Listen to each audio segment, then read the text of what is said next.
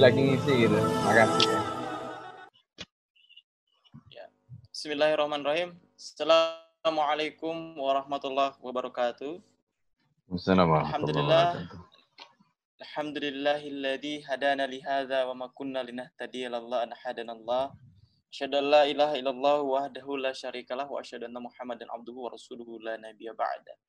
Alhamdulillah, puji syukur kehadirat Allah Subhanahu wa taala karena pada malam hari ini alhamdulillah kita semua bersama pemirsa Khilafah Channel masih diberikan kesehatan dan waktu luang untuk menyempatkan diri kita menyaksikan setiap eh, kajian-kajian yang diadakan oleh Khilafah Channel dalam YouTube ini.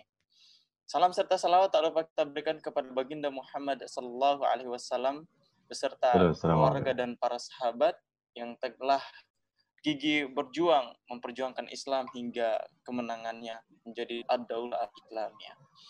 Uh, Alhamdulillah pada malam hari ini kita kembali lagi dalam kajian online bersama Khilafah Channel dan malam hari ini insya Allah kita akan bahas kembali seputar afkar Islam dan uh, tema kajian kita malam hari ini insya Allah kita akan angkat uh, apakah Islam buatan manusia. Seperti biasa pada malam hari ini kita ditemani oleh guru kita Kiai Haji Hafiz Abdurrahman. Assalamualaikum Kiai. Waalaikumsalam warahmatullahi wabarakatuh. Ya, gimana Kiai sehat ya Kiai? Alhamdulillah, alhamdulillah. Khair wa. Alhamdulillah. Alhamdulillah. Tengah kesibuk, di tengah kesibukan, Alhamdulillah Kiai masih uh, menyempatkan diri nih Kiai. Gimana di sana Kiai masih uh, uh, gimana waspada dengan COVID di sana Kiai ya? Ya, Atau udah new normal nih? COVID-nya malah naik terus nih ya. Ada COVID, ada eh, perang dunia ketiga, sudah di depan mata. Ya, Iya, Masya Allah. Masya Allah. Ya, semoga kita semua bisa eh, terhindar dari penyakit atau wabah-wabah yang kita tidak inginkan. Amin. Eh, selanjutnya, kita tidak perlu lama-lama lagi. Kita langsung persilakan kepada guru kita untuk eh, memaparkan kajian kita malam hari ini. Silakan, Kay. Ya, Assalamualaikum warahmatullahi wabarakatuh. Alhamdulillah. Waalaikumsalam. Alhamdulillahilladzi hadana li hada ma kunna linahtadiya lawla an hadana Allah. Asyhadu an la ilaha illallah wahdahu la syarika lah wa rasuluh la nabiyya ba'dah. Rabbi shrah li sadri wa yassir li amri wa hlul 'uqdatam min lisani yafqahu qawli. Tema kita pada malam hari ini sebenarnya adalah tema untuk mendudukkan kembali eh, karena ini adalah merupakan tema sentral terkait dengan eh, Islam itu.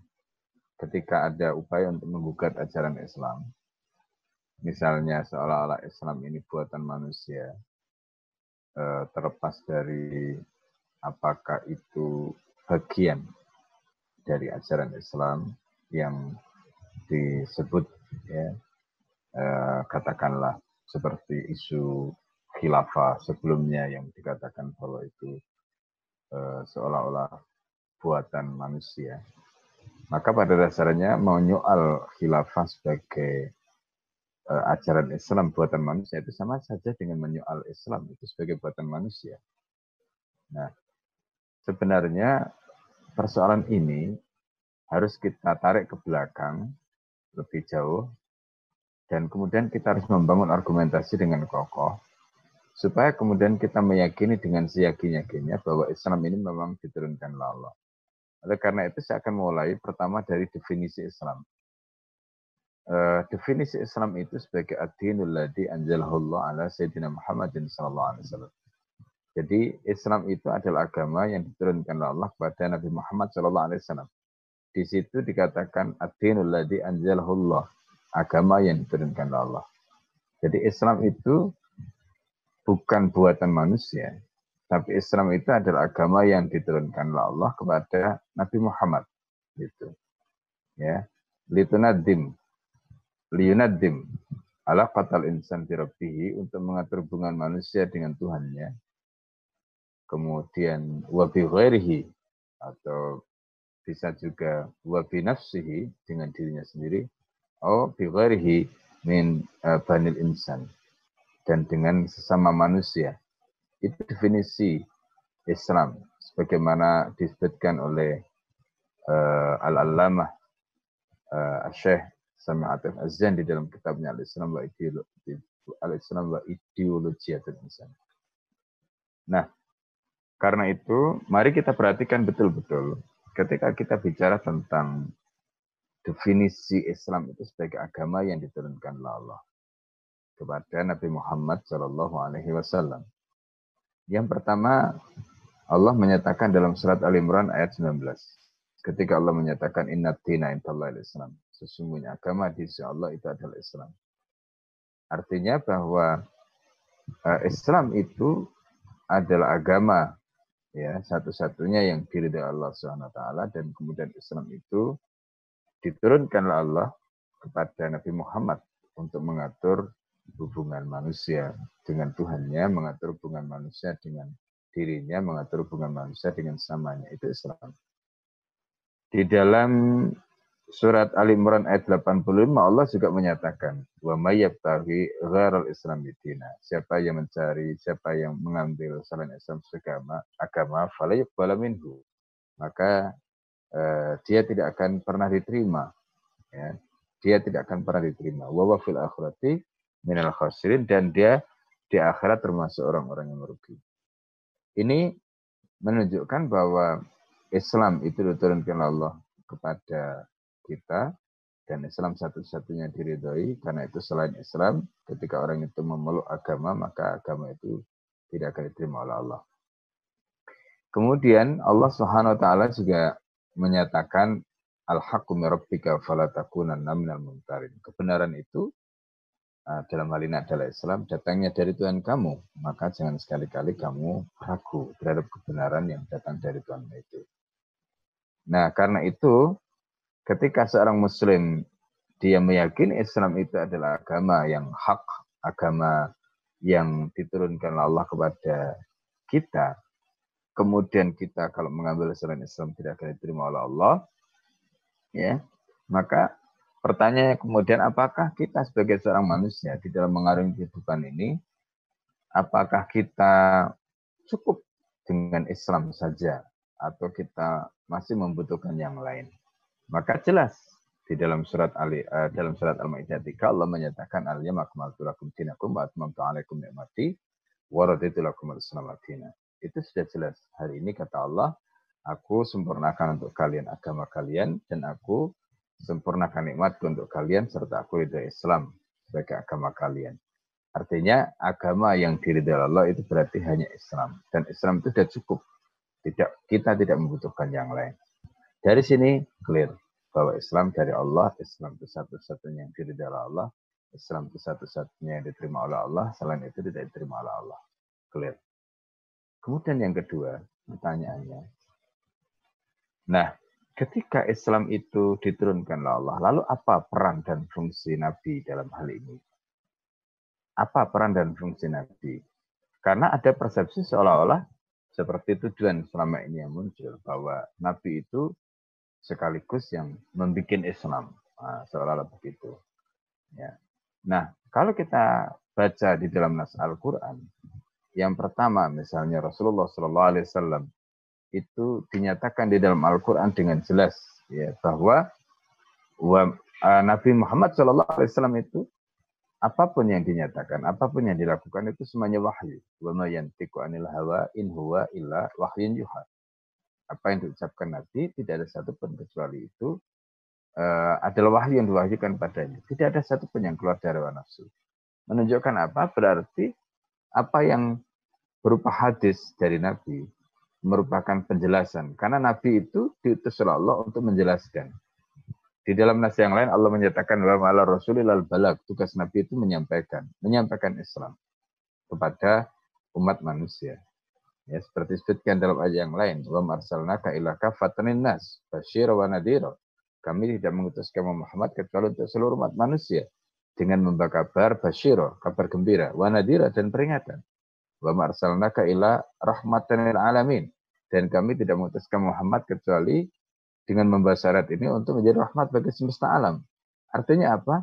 Nabi itu datang membawa syariat. Syariat itu Islam tadi. Datang dari Allah, diturunkan Allah pada Nabi. Nah, fungsi Nabi dalam hal ini hanya tablik menyampaikan. Kemudian di dalam nasi yang lain, Nabi Muhammad itu juga dijelaskan. Ya, litubayyina linnas ma ilaihim. Tugas kamu Muhammad itu adalah agar kamu menjelaskan. Jadi tablik tadi itu dijelaskan dalam ayat yang lain, litubayyina linnas, agar kamu menjelaskan manuzilailahim apa yang diturunkan kepada mereka. Ini fungsi Nabi. Oleh karena itu, kalau kita pahami, jadi sebenarnya Nabi Muhammad itu juga bukan bukan manusia yang membuat Islam. Tapi Nabi itu adalah orang atau manusia yang ditugasi oleh Allah untuk menyampaikan Islam. Islam itu turun dari Allah, diturunkan oleh Allah ya kepada Nabi, Nabi itu tugasnya untuk menyampaikan. Kemudian dalam ayat lain tadi itu bayinalinas, tugasnya Nabi itu untuk menjelaskan. Maka perbuatan Nabi, perkataan Nabi, diamnya Nabi itu wahyu semua. Dan itu dinyatakan dalam ayat tadi. Wa hawa in huwa illa wahyun yuha. Kemudian Allah juga menyatakan dalam nasi yang lain, wa ma atakumur rasul fahudu. Apa yang dibalik Nabi kepadamu, ambil. Wa ma nahakum anfantahu. Dan apa yang dilarang Nabi pada kalian maka tinggalkan. Itu dalam konteks bahwa Nabi itu apa yang dinyatakan, apa yang dilarang itu semuanya wahyu. Karena apa yang dinyatakan, apa yang dilarang tadi itu itu bagian dari wamayantiku anil hawa in huwa ila wahyun yuha.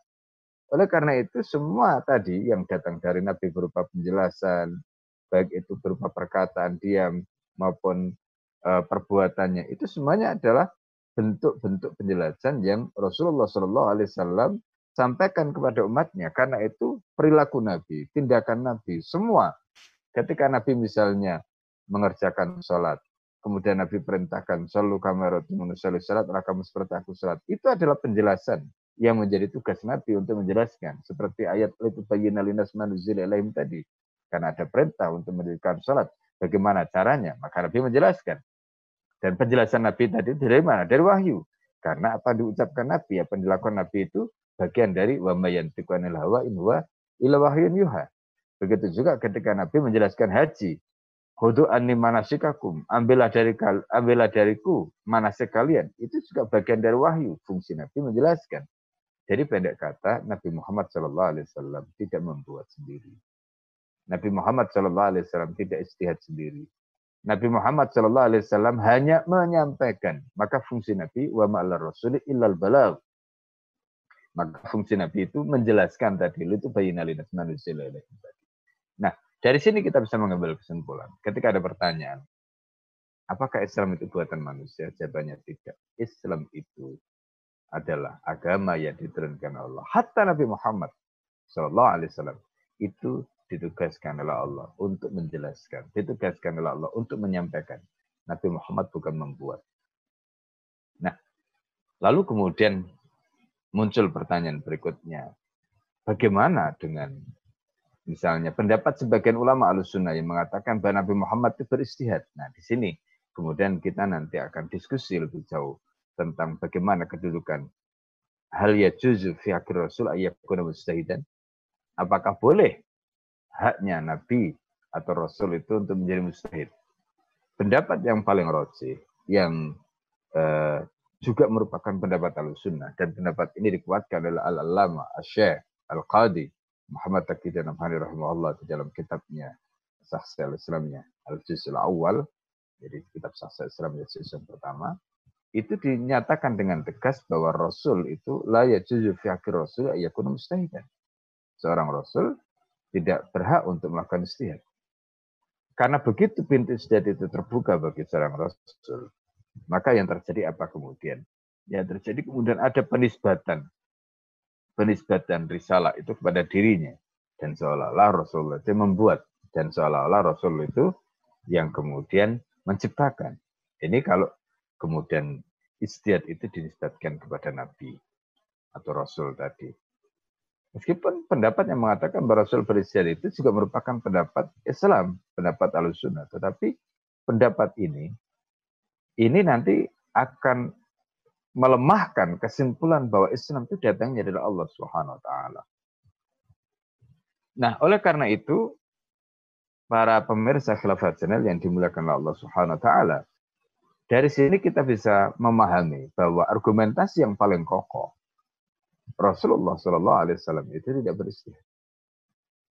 Nah, dan itu nanti meneguhkan kesimpulan bahwa Islam itu memang betul-betul agama yang datang dari Allah. Di mana posisi Nabi Muhammad adalah posisi sebagai mubalik yang menyampaikan, posisi sebagai mubayyin yang menjelaskan. Itu. Nabi tidak beristihad. Posisi Nabi, kalaulah misalnya menyampaikan adalah menyampaikan wahyu, karena apa yang disampaikan, apa yang dilakukan, apa yang didiamkan, itu semuanya adalah wahyu. Wa mayantiqanil hawa in huwa illa wahyu Adapun beberapa hal yang diklaim atau dianggap sebagai istihad, maka nanti bisa kita bedah satu persatu. Misalnya contoh, ketika Rasulullah Shallallahu Alaihi Wasallam dalam kasus misalnya soal tawanan perang pada saat di dalam kasus perang Badar misalnya.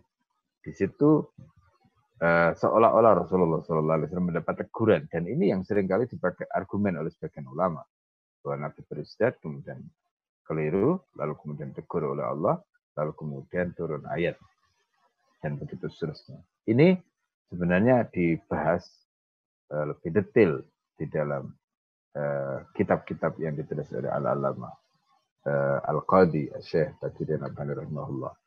Nah, oleh karena itu dalam kasus misalnya contoh terkait dengan tawanan perang.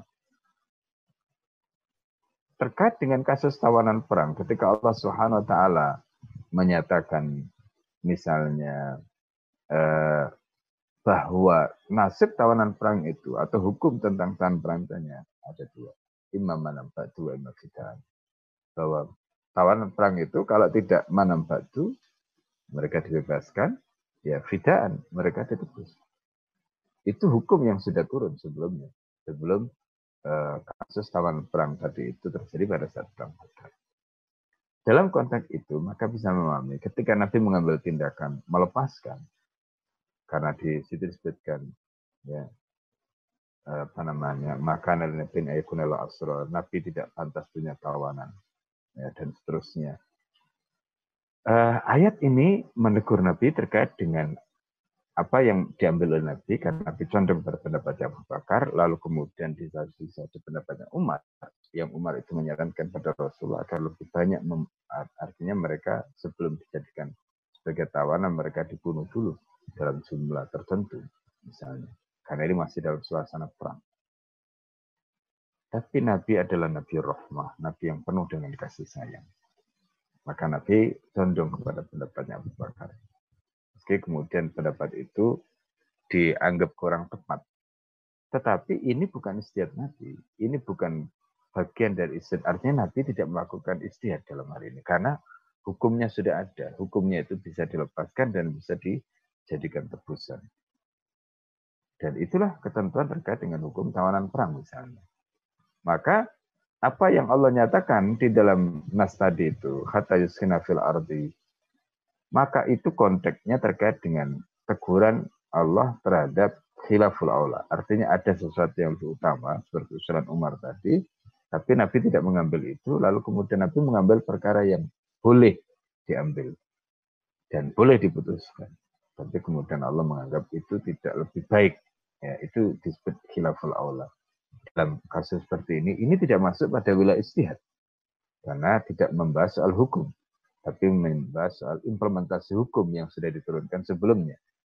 Nah, oleh karena itu, dalam kasus seperti ini, kalau ini dijadikan sebagai dasar bahwa seolah-olah Rasulullah itu melakukan istihad, jelas tidak tepat. Nah, ini salah satu contoh yang banyak sekali digunakan oleh para ulama untuk menjelaskan seolah-olah Rasulullah itu beristihad. Nah, konsekuensi dari pendapat Nabi itu beristihad nanti, maka ini akan juga punya dampak kepada pandangan berikutnya tentang berarti Nabi Muhammad itu juga yang membuat Islam seolah-olah begitu sebagaimana tujuan sekarang ketika ini mustahid, ada mustahid dan sebagainya. Seolah-olah kemudian ini membuat paham seolah-olah seperti itu. Nah inilah yang justru kemudian uh, kita harus dudukkan dengan posisi Nabi itu hanya sebagai mubayyin menjelaskan, dengan posisi Nabi sebagai mubalik yaitu yang menyampaikan. Pada saat yang sama memang Rasulullah ada perintah bagi kepala negara, wa anihkum bainahum bimanzalallah, hendaknya kamu terapkan hukum di antara mereka dengan apa yang turunkan. Tapi ingat, Nabi pun dalam konteks uh, melakukan tahkim tadi, di situ posisi Nabi tetap sebagai Nabi dan Rasul. Artinya apa? Wahyu. Wahyu yang kemudian dijalankan oleh Nabi. Dan kembali pada ayat wa mayantiku anil hawa in huwa ilah wahyu yuha tadi. Nah karena itu kemudian Rasulullah SAW negaranya itu disebut sebagai uh, daulah nubuwah atau disebut sebagai nubuwah. Takun nubuwah fikum masya Allah antakun. Dan kemudian daulah nubuwah ini digantikan dengan khilafah setelah itu. Dan tidak lagi diganti dengan, tidak lagi disebut dengan nubuwah. Tapi ala nahjin nubuwah. Artinya uh, nubuahnya sudah berakhir karena wahyu sudah tidak ada, di mana Rasulullah sudah wafat, tetapi yang ada itu adalah pengganti dari kekuasaan nubuah tadi atau dalam nubuah tadi, maka kemudian karena ini namanya pengganti disebut dengan khilafah. Kemudian eh, karena dia mengikuti nubuah tadi, maka disebut khilafah ala minhaj atau ala nahjin nubuah. Karena posisinya copy paste dari manhaj kenabian tadi. Nah, pertanyaan berikutnya adalah, apakah khilafah sebagai ajaran Islam itu juga buatan manusia? Jawabannya tidak. Tidak. Tapi khilafah ini adalah bagian dari ajaran Islam yang diturunkan oleh Allah Subhanahu taala. Dari mana buktinya? Dari wahyu yang disampaikan oleh Rasulullah SAW. Karena itu di dalam kitab Majmu' Zawaid wa Manbal Fawaid. Al-Haythami mengumpulkan hadis ya kitab kitab Majmu' eh, Zawaid wa Manbal Faid ini adalah kitab yang luar biasa karena kitab ini adalah kitab yang ditulis oleh Al-Haythami dibimbing oleh gurunya Al-Hafidh Al-Iraqi dan kemudian kitab ini dibacakan, ditalakikan, dicek, diperiksa oleh Ibnu Hajar Al-Asqalani yang juga merupakan murid Al-Haythami dan juga merupakan murid Al-Iraqi. Jadi kitab ini dikaji, diteliti oleh tiga hafid. Jadi ini bukan kitab main-main.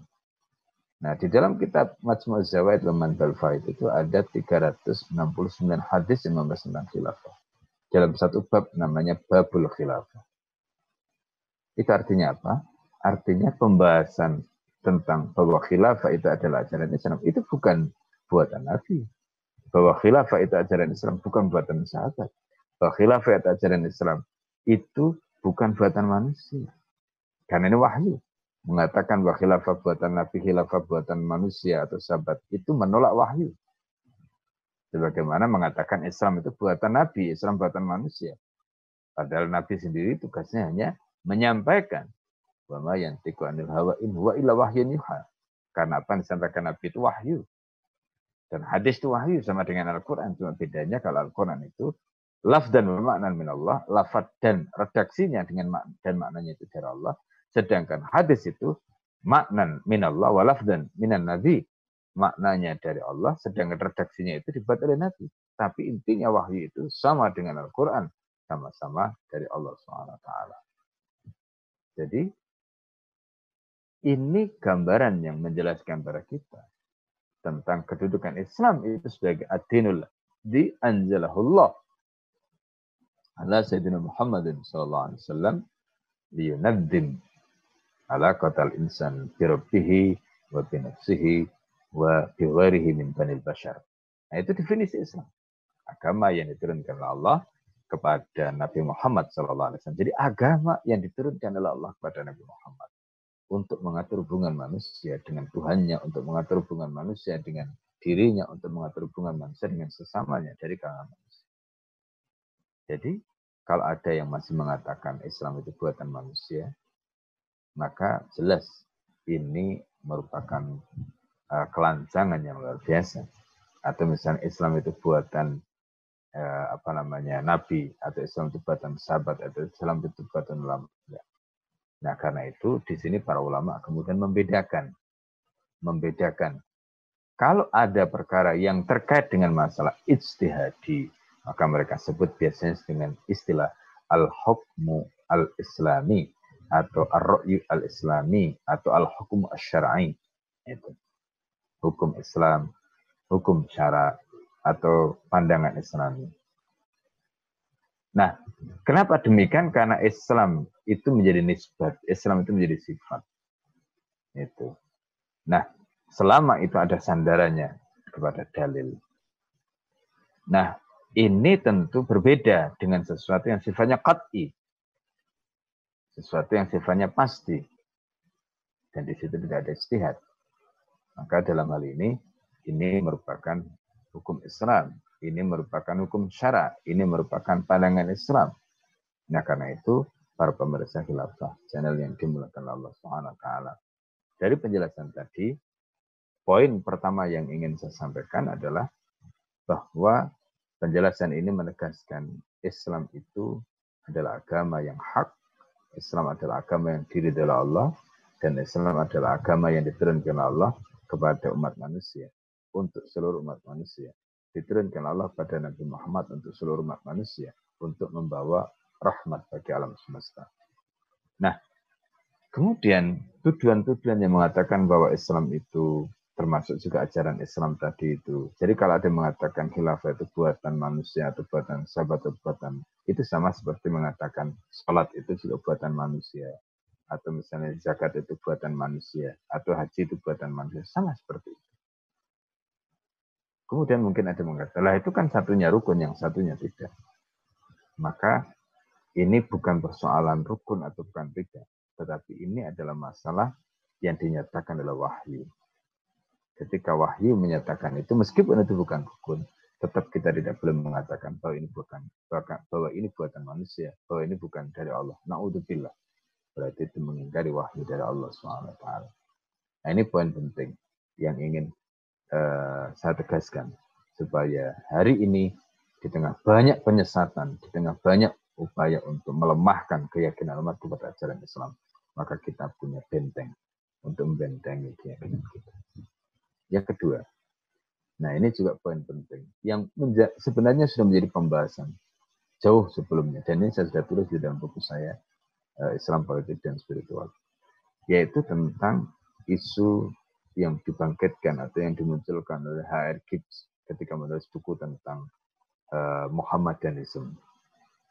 Muhammadanism itu juga merupakan istilah ya yang menyebut Islam. Jadi menyebut Islam dengan sebutan Muhammadanism atau dengan istilah lain Islam itu disebut dengan Muhammadiyah atau dinisbatkan seolah-olah seperti paham yang dibikin oleh Muhammad. Maka penjelasan tadi itu sekaligus meruntuhkan kesimpulan Gibbs yang menyatakan atau menyebut seolah-olah Islam itu buatan Nabi Muhammad. Seolah-olah Islam itu paham yang didirikan oleh Muhammad. Tidak. Islam bukan Muhammad dan Islam. Karena Islam adalah agama yang diturunkan Allah Subhanahu taala kepada Nabi Muhammad. Nabi Muhammad hanya menyampaikan, Nabi Muhammad hanya menjelaskan. Karena semua yang datang kepada Nabi itu wahyu. Tadi sudah disampaikan, wa mayantiqu anil hawa in huwa illa Oleh karena itu istilah Muhammad dan Islam ini juga istilah yang batil istilah yang sesat dan menyesatkan dan tidak boleh digunakan untuk menyebut Islam. Dan istilah itu dulu sengaja digunakan untuk membangun apa namanya keraguan taskik terhadap Islam. Makanya poin tadi yang uh, saya sampaikan di awal seolah-olah Islam itu buatan manusia, termasuk di dalam Islam itu buatan Nabi tidak. Nabi itu tidak membuat karena Nabi hanya bertugas menyampaikan. Nabi itu hanya bertugas untuk menjelaskan. Karena semua yang disampaikan oleh Nabi tentang Islam itu wahyu. Ketika Nabi menjalankan sholat, sama seperti Nabi menjalankan puasa, haji. Begitu juga ketika Nabi menjalankan pemerintahan. Itu semuanya sama wahyunya. Nabi menjalankan pemerintahan itu juga wahyu. Maka tadi disebut sebagai nubuwah. Oleh karena itu, apa pun yang Rasulullah SAW lakukan tadi itu adalah bagian dari wahyu. Selama 10 tahun memerintah di Madinah, maka pemerintahan Nabi itu adalah merupakan pemerintahan wahyu, merupakan nubuah, merupakan daulah nubuah. Dan itu artinya apa? Artinya bahwa apa yang telah digambarkan Rasulullah SAW selama 10 tahun di Madinah dengan tindakannya, dengan ucapannya, dengan diamnya, semua itu adalah merupakan role model. Semuanya itu adalah merupakan bentuk yang hidup merupakan tuntunan hidup yang bisa kita uh, ambil, bisa kita terapkan, atau kalau dalam bahasa tadi itu copy paste sehingga disebut sebagai nahjun nubuwah, mengikuti tuntunan kenabian atau alamin hajin nubuwah. Begitulah gambarannya. Oleh karena itu, para pemirsa khilafah channel yang dimuliakan Allah Subhanahu wa taala. Jika melihat fakta ini, maka apa yang kita pahami? Maka jelas ketika ada orang atau siapa pun yang mencoba untuk memisahkan satu ajaran Islam dengan Islam yang lain. Kemudian apalagi kemudian menuduh bahwa itu bukan ajaran Islam atau bahkan kemudian menisbatkan itu Padahal itu jelas datangnya dari wahyu. Tapi ternyata dinisbahkan bukan kepada Islam. Maka tentu ini uh, merupakan kelanjangan yang luar biasa dan bahkan bisa mengingkari. Dan kepadanya berlaku ayat afatuk minu nabi ba'dil di watak furu nabi ba'dil. Apakah kamu mengimani sebagian kitab dan kamu kufur sebagian yang lain? Naudzubillah. Karena itu perintah Allah di dalam surat Al-Baqarah ya ayyuhalladzina aman udkhulu fis kafah Wahai orang-orang yang beriman, masuklah kalian dalam Islam secara kafah. Wala tattabi'u khutuwati syaitan. Dan kamu jangan mengikuti langkah-langkah setan. Dari sini jelas bahwa Islam itu adalah satu-satunya agama yang hak. Dan Islam itu bukan buatan manusia.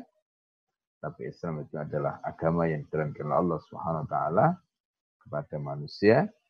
Allah mengutus Rasul dan tugas Rasul itu menjelaskan seperti dalam nas yang lain Allah menyatakan rusulan mubasyirina wa mundirina.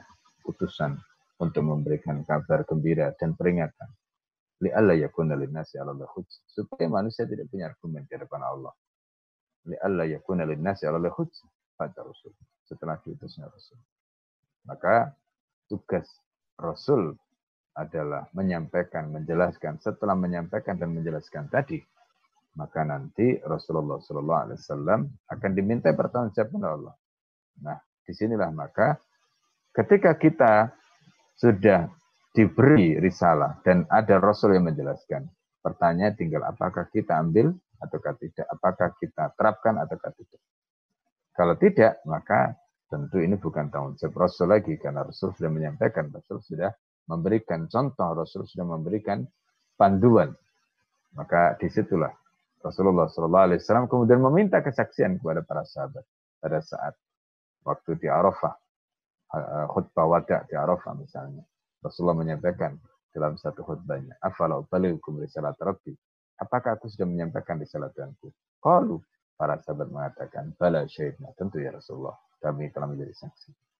Tidak sampai di situ pada saat di Arafah.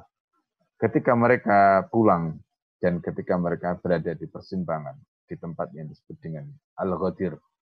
Maka di tempat itu Rasulullah bertanya lagi. Rasulullah kumpulkan lagi agar mereka tidak pulang. Maka mereka dihimpun kembali disuruh ngumpul lagi.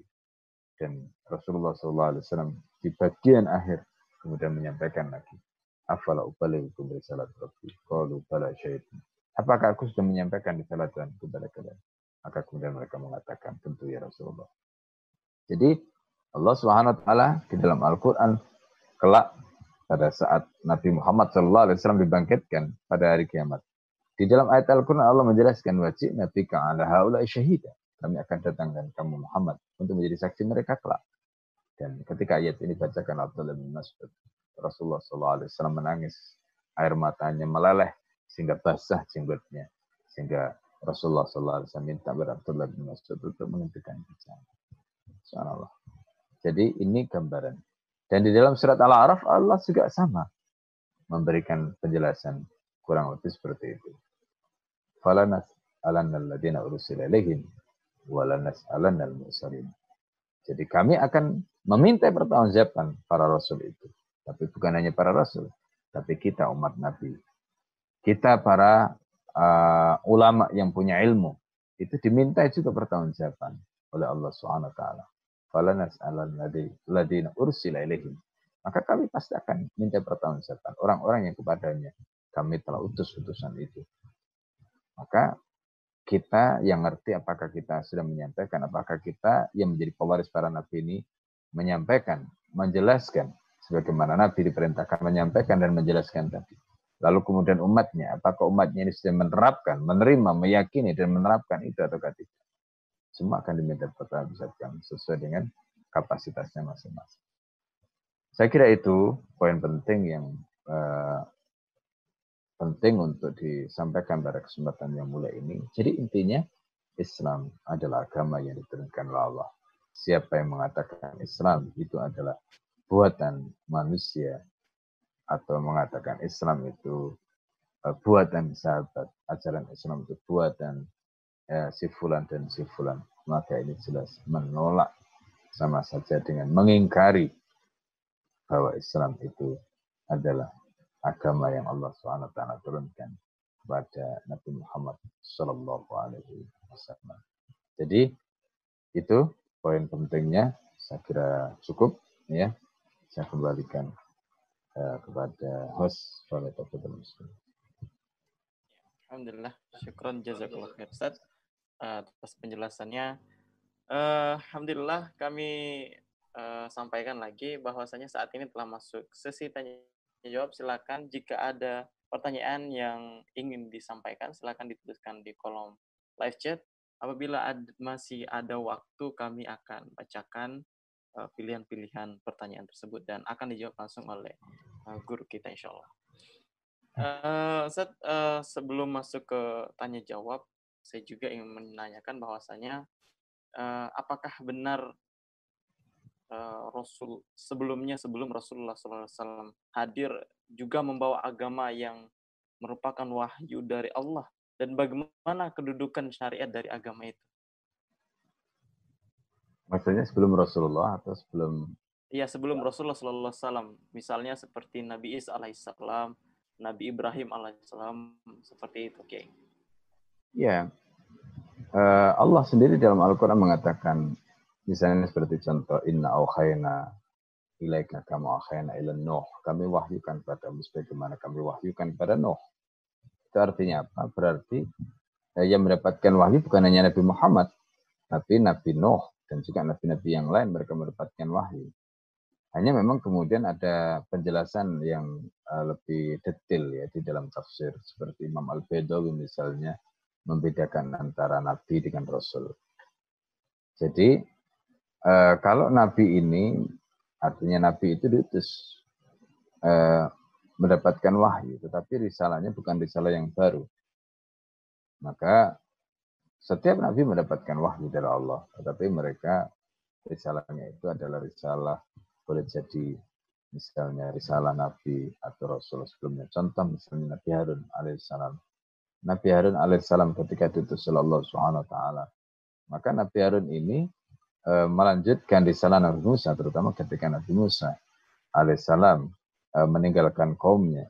Kemudian yang melanjutkan dakwah Nabi Musa alaihissalam ini adalah Nabi Harun alaihissalam.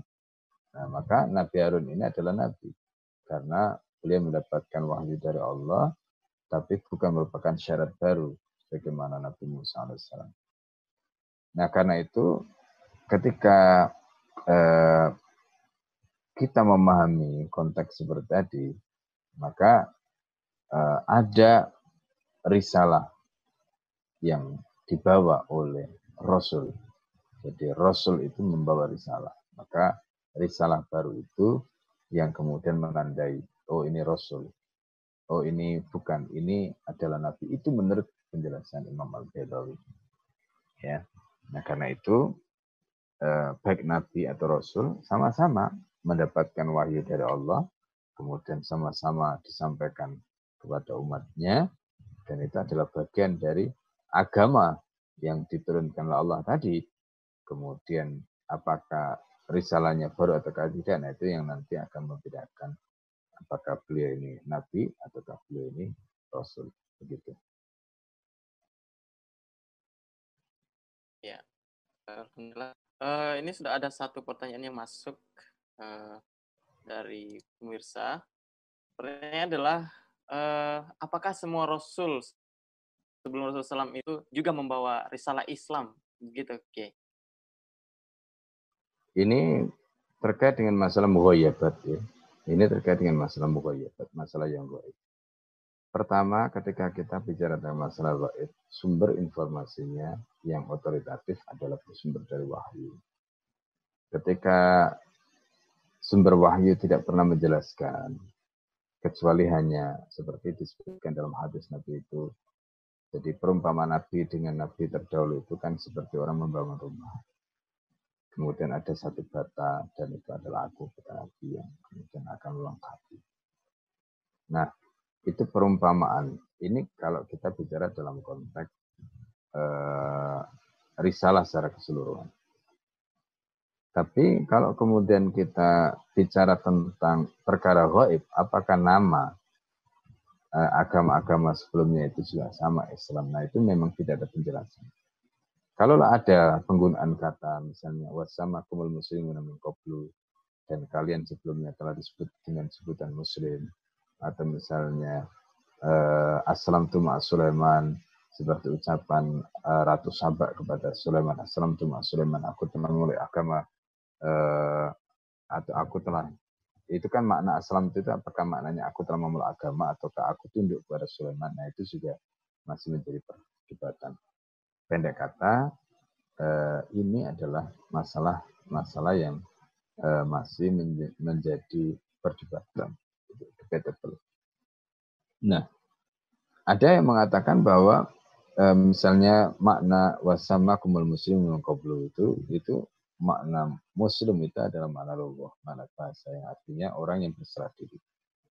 Sebagaimana kalimat aslam tuma Sulaiman itu maknanya adalah al-inqiyat wa ta'ah, yaitu tunduk dan taat pada Sulaiman. Karena memang Ratu Balkis ketika itu ya uh, apa yang diceritakan dalam uh, konteks tadi itu memang akhirnya tunduk dan patuh kepada Sulaiman gitu.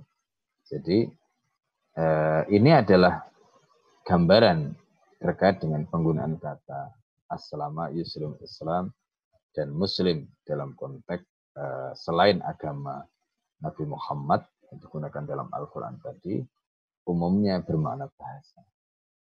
Nah, Adapun kata Muslim dan Islam itu betul-betul jelas digunakan dalam konteks menyebut agama itu hanya digunakan untuk menyebut agama yang diturunkan Allah pada Nabi Muhammad.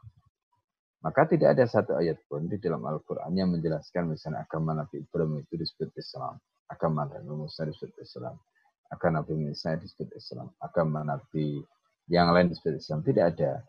Nah, karena ini adalah perkara yang goib, membahas tentang perkara goib, dan masalah ini tidak pernah dijelaskan, maka kita juga tidak bisa mengatakan, oh ini Islam juga. Ya, karena tidak ada nas yang menjelaskan perkara tadi secara tekstual, secara harfiah. Tapi yang secara harfiah itu penjelasannya hanya menjelaskan misalnya tadi inna dina intallahi islam atau al-yam akmaltu lakum dinakum wa atmamtu alaikum ya wa raditu lakum al-islam ya misalnya. Al-yam akmaltu lakum dinakum wa atmamtu alaikum nikmati wa raditu lakum nah di situ dengan jelas dikatakan raditu lakumul islam dinan nah itu untuk siapa? Nabi. Untuk siapa? Nabi dengan kaumnya sedangkan kata misalnya seperti itu waraditu lakumul islam dinan itu tidak digunakan untuk yang lain. Sama seperti misalnya ketika Allah mengatakan eh, wa mayyabtaki ghairal islami dinan. Itu konteksnya juga terkait dengan konteks sekarang, konteks Nabi. Itu bukan konteks sebelumnya. Nah, oleh karena itu, dari sini kita bisa pahami bahwa definisi Islam itu adalah sebutan untuk sebuah agama yang agama itu diturunkan Allah kepada siapa? Nabi Muhammad itu ditopang oleh nas yang qat'i tadi. Adapun yang lain itu tidak ada penjelasan. Maka kalau ditanya, kita juga tidak bisa mengatakan tidak, tapi kita juga tidak bisa mengatakan iya karena nggak ada penjelasan. Jadi lebih baik kalau ditanya wallahu a'lam. Ya, itu. Ya, alhamdulillah. Uh, telah dijawab tadi bahwasannya ini perkara yang goib yang tanpa dalil kita tidak bisa menjawab uh, seenak kita gitu ya. Jawaban kita adalah wallahu a'lam. uh, selanjutnya Kiai ini merupakan pertanyaan terakhir juga sekaligus closing statement. Pertanyaannya adalah dari Rayas ya. Bagaimana cara membantah pendapat yang menganggap bahwa mewujudkan Islam kafah tidak harus dengan khilafah dulu, tapi justru dimulai dari diri uh, diri sendiri, maka khilafah itu akan tegak juga. Bagaimana pendapat seperti ini, Kiai? Uh, yang pasti pendapat seperti itu ya harus merujuk kepada apa yang Rasul Shallallahu Alaihi Wasallam lakukan, apa yang para sahabat lakukan. Jadi kita mau menilai pendapat itu benar atau tidak, itu harus kita lihat kepada contoh teladan panutan yang menjadi contoh panutan dan teladan kita yaitu Nabi Muhammad SAW. Sekarang pertanyaannya, eh, apakah Rasulullah ketika melaksanakan ya ayyuhalladzina amanu udkhulu fis-silmi kafah. Kemudian Rasulullah hanya melaksanakan Islam dalam konteks pribadinya. Apakah para sahabat hanya melaksanakan Islam dalam konteks pribadinya? Jawabannya tidak. Artinya apa? Atau sama seperti tadi ada ungkapan, tegakkanlah khilafah di dalam hatimu, maka dia akan tegak. Ya. Nah, eh, pertanyaannya kemudian, ya pertanyaan kemudian, ketika orang itu sudah yakin, lalu kemudian hanya menjadi keyakinan tapi tidak pernah kemudian diwujudkan dalam kehidupan, bagaimana mungkin dia mau tegak? Misalnya kayak gitu. Nah, jadi karena itu yang harus kita pahami adalah lihatlah apa yang dilakukan Rasulullah SAW. Ketika Rasulullah SAW itu melaksanakan Islam secara kafah. Nah, pelaksananya Islam secara kafah tadi seperti apa? Ya sholatnya, ya zakatnya, ya puasanya, ya hajinya, ya jihadnya, ya ekonominya, ya pemerintahannya, ya pendidikannya, ya sosialnya, politik dalam dan luar negerinya, sanksi hukumnya. Semuanya itu dengan Islam. Pertanyaannya, Bisakah semuanya tadi itu diwujudkan tanpa ada institusi negara? Jawabannya tidak bisa. Maka perintah Allah, wa anihkum. Kamu terapkanlah hukum Muhammad. Kamu terapkanlah pemerintahan Muhammad. Bima Allah sesuai dengan apa Allah turunkan. Itu artinya apa? Nabi diperintahkan untuk mewujudkan institusi. Yang institusi itu bisa menegakkan pemerintahan tadi atau hukum tadi. Supaya semua itu bisa diwujudkan. Kalau tidak, nggak akan bisa. Nah, jadi maka ini yang harus kita pahami ya bahwa uh, Islam itu sistem. Islam itu sistem. Jadi tidak mungkin Islam sebagai sebuah sistem. Jangankan yang tampak. Jadi begini. Uh, hukum seperti khilafah, hukum seperti raja, hukum seperti katakanlah cambuk, hukum seperti potong tangan, itu hukum-hukum fisik. Hukum fisik. Sama seperti sholat. Sholat seperti berdiri, kemudian takbiratul ikhram, ya kita bersedekah, rukuk, sujud, semua itu hukum fisik. Berdoa angkat tangan fisik, semua fisik. Puasa itu fisik. Jihad itu fisik. Sedekah itu fisik. Nah, sekarang pertanyaannya. Ini ini kalau kita bicara dalam konteks Islam. Apakah perkara-perkara fisik tadi itu cukup? Jawabannya tidak. Orang tidak akan bisa melaksanakan takbiratul ihram, orang tidak akan bisa berdiri kemudian rukuk sujud kalau dia tidak punya keyakinan. Keyakinan itu non fisik. Berarti apa? Adanya perkara fisik yang dilaksanakan tadi itu membutuhkan sesuatu yang non fisik yaitu roh, spirit, keyakinan. Hukum-hukum tadi itu yang lain tadi itu hukum fisik ya puasa macam-macam. Gak akan orang bisa menjalankan puasa kalau dia tidak punya keyakinan tentang kewajiban puasa. Zina itu fisik. Tapi orang itu kemudian meninggalkan zina itu karena ada apa namanya eh, benteng dalam bentuk non fisik spiritual tadi rasa takut pada Allah dan sebagainya. Nah karena itu Islam tidak hanya mengajarkan yang fisik, Islam tidak akan tidak hanya menjelaskan perkara-perkara yang fisik, tapi sampai yang perkara non fisik tadi itu juga menjadi bagian dari Islam yang terintegrasi. Nah itulah yang disebut bahwa falsafah Islam, pemikiran dasar Islam itu adalah masul madabir roh, mengintegrasikan antara materi dengan roh. Ketika itu ada, maka yakinlah Islam sebagai sebuah peradaban itu akan bangkit. Islam sebagai peradaban itu akan muncul. Tapi ketika itu tidak ada, maka itu tidak akan muncul. Nah karena itu Islam itu sistem. Mengambil Islam, ya sebagian tidak akan bisa. Sebagaimana mengambil dohirnya, meninggalkan yang non fisik tadi juga tidak bisa. Misalnya ada yang juga mengatakan, oh yang penting kan hatinya. Itu berarti mengambil yang non fisik. Kemudian yang fisik ditolak. Ya, oh, nggak mau pakai jilbab, nggak mau pakai ini, pakai itu itu berarti mengambil yang non fisik tapi yang fisik ditolak. Itu juga nggak bisa. Sebagaimana mengambil yang fisik yang non fisik dari tolak itu sudah tidak. Jadi Islam itu semua. Itulah yang dimaksud dengan utuhulu fisil mekafa. Akidahnya diambil, syariahnya diambil. Syariahnya juga begitu, tidak hanya sepotong-sepotong tapi totalitas. Itu baru yang disebut dengan kafir dan itu tidak mungkin kecuali dengan sistemnya dan tidak mungkin kecuali dengan khilafah itu tidak akan mungkin akidahnya harus Islam syariatnya harus Islam ya akidahnya mulai A sampai Z itu harus Islam nah itu yang dimaksud bahwa inilah Islam dengan kafah itu jadi contoh misalnya orang sholat itu kalau bukan karena dasar akidah sholatnya itu hanya materi hanya fisik saja maka betapa banyak orang sholat kelihatan tampak sholat, tapi dia tidak mendapatkan apa-apa. Bahkan orang kafir kalau misalnya dia sholat, dia nggak akan diterima.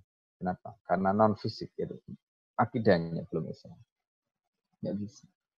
Nah, jadi di sini pentingnya fisik non fisik dan yang fisik pun dia harus utuh, tidak boleh Nah itu baru Islam. Kalau tidak, nah, itu. itu saya kira. Ya, alhamdulillah. Uh, dengan berakhirnya pertanyaan tadi juga telah berakhir uh, kajian on kita malam hari ini dan kami ucapkan jazakallah khair kepada Kiai Haji Hafiz Abdurrahman telah menemani lagi kajian Afkar Islam malam hari ini dan insya Allah kita akan lanjutkan kajian Afkar Islam di pekan depan pada malam yang sama pukul 20 uh, titik 15 waktu Indonesia Barat insya Allah kami ucapkan terima kasih kepada seluruh pemirsa yang senantiasa menyimak kajian-kajian online bersama Khilafah Channel. Juga kami ingatkan bahwasanya di Khilafah Channel juga telah ada program baru yaitu program kabar malam dan akan tayang setiap pukul 19.30 waktu Indonesia Barat. Jangan lupa like, comment, share, dan subscribe channel ini. Semoga bermanfaat dan menambah seluruh sahabat Islam kita. Kami ucapkan walafu minkum. Wassalamualaikum warahmatullahi wabarakatuh. Menuntut ilmu agama adalah wajib bagi setiap muslim. Di zaman ini, kita dapat melakukannya kapan pun dan di mana pun. Meski masa pandemi sedang berlangsung, tetapi tak ada alasan untuk tidak menambah kapasitas diri dengan sakofah Islam. Khilafah Channel memfasilitasi Anda berjumpa dengan para guru yang mumpuni dalam rangka berbagi ilmu dan sakofah Islam agar Anda makin paham tentang syariat Islam dan terhindar dari gagal paham serta salah paham. Ikuti kajian online kami setiap hari pukul 20.00 waktu Indonesia Barat hanya di Khilafah Channel.